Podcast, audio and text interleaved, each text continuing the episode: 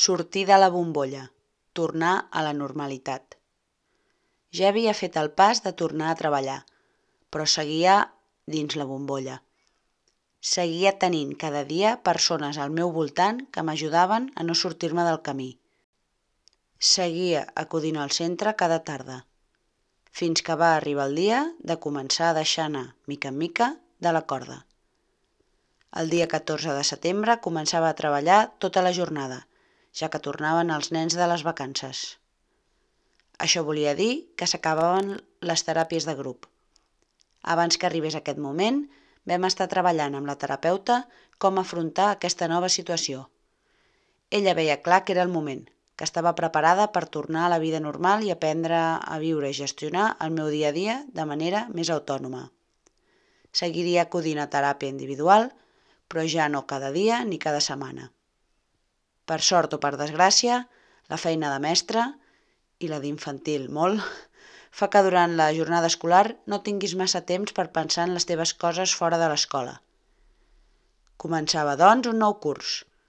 El ritme pausat dels últims mesos va canviar d'un dia per l'altre. Va passar a ser un ritme frenètic i tutoritzava un grup d'infants i famílies que no coneixia. Així que, quan arribaven les 5 de la tarda, no sabia quasi bé ni com em deia. Em va anar molt bé. Tornar a tenir la ment ocupada feia que no pensés de més, així que mica en mica anava avançant tot plegat. Seguia amb les visites al nutricionista i a la terapeuta, i estaven contents. Més que jo, de fet. Seguia en un pes perfectament saludable i emocionalment estava estable. Em seguien i em segueix costant gestionar certes conductes com la de no exigir-me tant, valorar-me més i saber dir que no. Però encara que sigui lentament, vaig avançant en això també. Exterioritzar les meves emocions també és un aspecte que sempre m'ha fet vergonya. No em convertiré en una persona 100% oberta mai. No sóc així i cadascú té la personalitat que té. Però sí que, per exemple, plorar quan es necessita és important. A vegades ho faig a casa meva, sola, i em va superbé. Simplement perquè sento que necessito deixar-me anar, treure-ho tot. Abans això no ho havia fet mai. Fer-ho significava no estar a l'alçada de les circumstàncies. Ara fer això em fa anar a dormir més tranquil amb mi mateixa, la veritat. Saber que hi ha dies millors i pitjors i que tot això que estic intentant superar és difícil d'aconseguir. Per tant, no puc pretendre ser una roca i que tot surti bé d'un dia per l'altre. És un dels grans descobriments que estic fent. No cal fer el màxim sempre. A vegades fer el mínim, només allò estrictament necessari per seguir endavant, és més que suficient. També ploro davant dels que més estimo.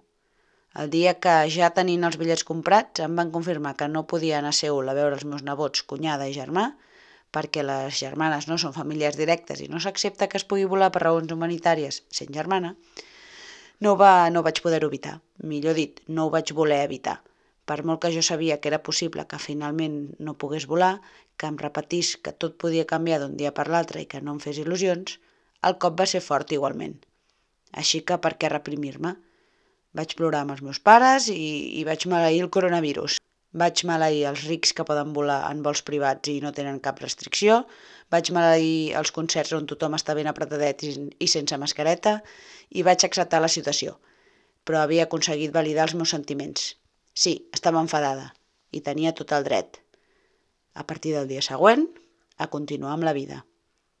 En altres situacions també he plorat quan persones que t'estimen et fan veure que encara hi ha coses que t'afecten més del que penses i que hi ha aspectes que no tens del tot solucionats, doncs va bé deixar-te anar.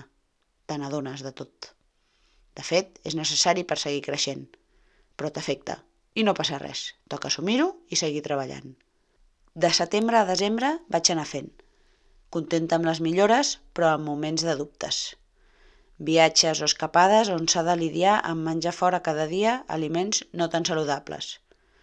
Nutricionalment parlant, és clar, perquè per una bona salut mental són necessaris aquests aliments. Menjar, a més, més del que estàs acostumada i no fer exercici, doncs ho complica tot. Aquests moments van ser proves de foc on no puc dir que tot anés mentalment estupendo, perquè tornaven alguns pensaments tòxics que no m'agradava gens tornar a tenir – com per exemple Com m'afectarà tot aquest menjar no saludable al meu cos? M'estic movent suficient? Tot això em va passar pel cap. Per sort vaig poder fer front a aquests pensaments i no vaig deixar de menjar res que no em vingués de gust. I vaig poder gaudir de l'escapada la gran part del temps.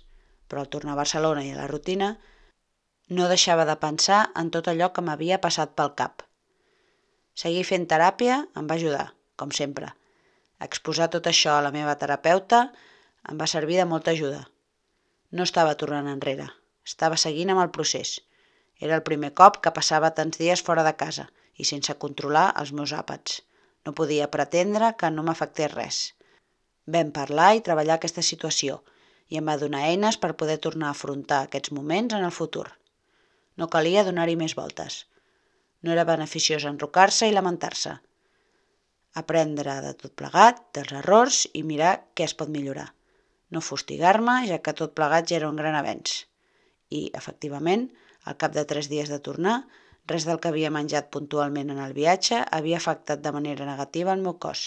El meu estil de vida era prou saludable com per no haver-me de preocupar del canvi d'hàbits de tres dies concrets. Després de tres mesos, va arribar el moment en què vaig poder començar a reintroduir l'esport, el càrdio més concretament, a la meva vida. Des del dia que vaig començar amb teràpies, només havia pogut fer una o dues sessions de força lights, com a molt, a la setmana sense molta intensitat, res que em fes pujar pulsacions i que em fes respirar amb dificultats.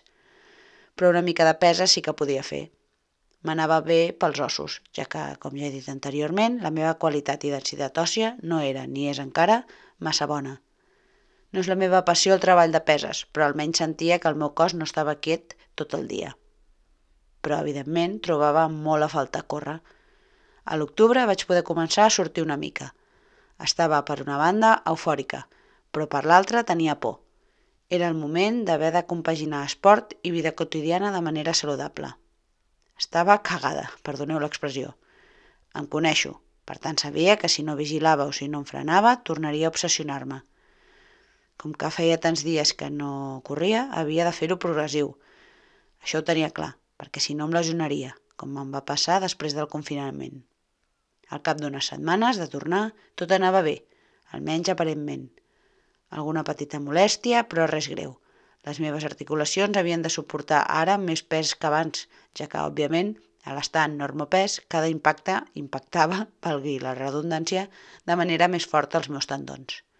El que vaig decidir va ser treure'm les alertes del rellotge que em deien per àudio a quan corria cada quilòmetre. Era moment de gaudir de córrer, fos el ritme que fos. Em va anar molt bé, la veritat. Però hi havia una cosa que encara m'incordiava. No podia parar d'analitzar-me. Pensava, cada vegada que surto a córrer ho faig perquè m'agrada o per autoimposició. Si milloro les meves sensacions al córrer i ja no em canso tant, és bo que vagi augmentant la distància o això ja és obsessionar-me? Havia passat d'un extrem a un altre. Perquè no parava de pensar-ho tot tant, d'analitzar-ho tot tant, però les teràpies i les sessions amb el nutricionista, com sempre, m'ajudaven. M'ajuden, de fet. Estem treballant en aconseguir deixar fluir tot més, que no vol dir despreocupar-se, però sí abraçar la incertesa, els plans improvisats, a fer que eh, el que em vingui de gust dins de les meves responsabilitats i no autoexigir-me tant a la feina, estudis, relacions familiars i d'amistats. Encara em costa això. Encara necessito planificar-m'ho tot, tenir-ho tot controlat. Crec que és el que m'està costant més. Però tot i així, també haig de tenir clar que tothom vol sentir-se bé, cuidar-se, no engreixar-se en excés. És normal que jo també vulgui tenir un cos saludable, veure'm bé. Per tant, no m'haig de tabalar quan em ve de gust menjar sa o fer exercici per mantenir-me activa i saludable. El que estem treballant és a aprendre a identificar aquelles conductes que ho porten a l'extrem, com autoprohibir-me aliments o fer més cardio algun dia perquè he menjat més del que toca. Estic avançant, m'ho haig de creure perquè és veritat. No és fàcil el que estic fent, no és gens fàcil. M'ho repeteixo una i altra vegada, perquè em costa acceptar que ho estic fent bé. Tot i així, res acabat. El procés segueix. I arriben les festes de Nadal. Buf, Nadal, que malament ho vaig passar l'any passat. Pràcticament no vaig menjar res de dolços i, a més, els dies grossos corria 20 quilòmetres. La meva excusa era que estava preparant la marató, de la qual quedaven 11 mesos. No tenia cap sentit. Per aquest any vam acordar no fer esport els dies festius, seguir fent tots els àpats, matí, mig matí, dinar, berenar i sopar, fos el dia que fos, és a dir, siguessin de celebració o no, i menjar el que em vingués de gust. Però què volia dir el que em vingués de gust? Precisament dolents no estan els torrons i les neules. Volia tenir llibertat i pau mental per no tenir-ne por a menjar, però alhora saber quan parar i no descontrolar-me. Encara no estic en aquest punt de dominar totalment la situació, però sí que crec que aquest any he pogut gaudir-ne amb control. Vam decidir que en menjaria els dies assenyalats i vaig aconseguir menjar-ne tres o quatre trossos sense por i sense remordiments cada dia que em venien de gust. No tenia la sensació de voler-ne més. A nivell mental seguien pensaments de tot tipus. Per una banda estava contenta pel que estava aconseguint, però per l'altra pensava que si no em deixava anar del tot, seguia sense aconseguir superar els meus problemes i tenir una relació totalment sana amb el menjar.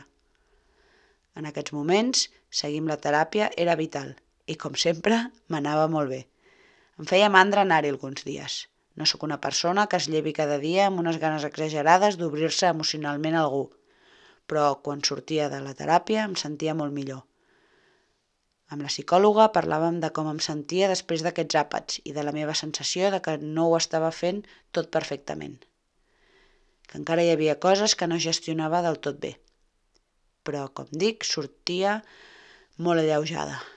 Què pretenia? Fer-ho tot bé en unes dates prou complicades com les de les festes de Nadal? No feia tant que havia començat el tractament, per tant, no podia pretendre gestionar-ho tot a la perfecció. El més important era que jo mateixa estava identificant aquells pensaments que no m'ajudaven a millorar i a partir d'aquí seguir treballant mica en mica. Era i és normal. Cal seguir fent passets endavant. Seguir. Em queda camí per recórrer. No he superat res encara, però estic molt orgullosa de tot el que he fet fins ara. Tots aquests mesos no han sigut fàcils, però res m'ha costat tant com fer el pas inicial de demanar ajuda. Res fa més por, almenys en el meu cas, que acceptar que tens un problema, que no te'n pots sortir sola sola i abraçar-te a la incertesa. Per persones com jo, les quals ho volem tenir tot controlat, deixar-te en mans dels altres no és que no sigui fàcil, sinó que és impensable. Però a vegades tens tantes poques coses a perdre que no tens més remei que acceptar que qualsevol altra cosa serà millor. Així que fas el pas. Ara toca seguir. Tant de bo us pugui explicar algun dia que estic recuperada. Però pensar en això ara mateix no és beneficiós, és tornar-me a posar massa pressió. Mentrestant, cal seguir cuidant-me per dins, aprendre a gestionar les meves emocions i atrevir-me a sentir. Cal seguir intentant fer les coses el millor possible, però sense obsessionar-me a millorar a qualsevol preu. Tot arribarà, sense pressa, però sense pausa. La paciència és amarga, però el seu fruit és dolç.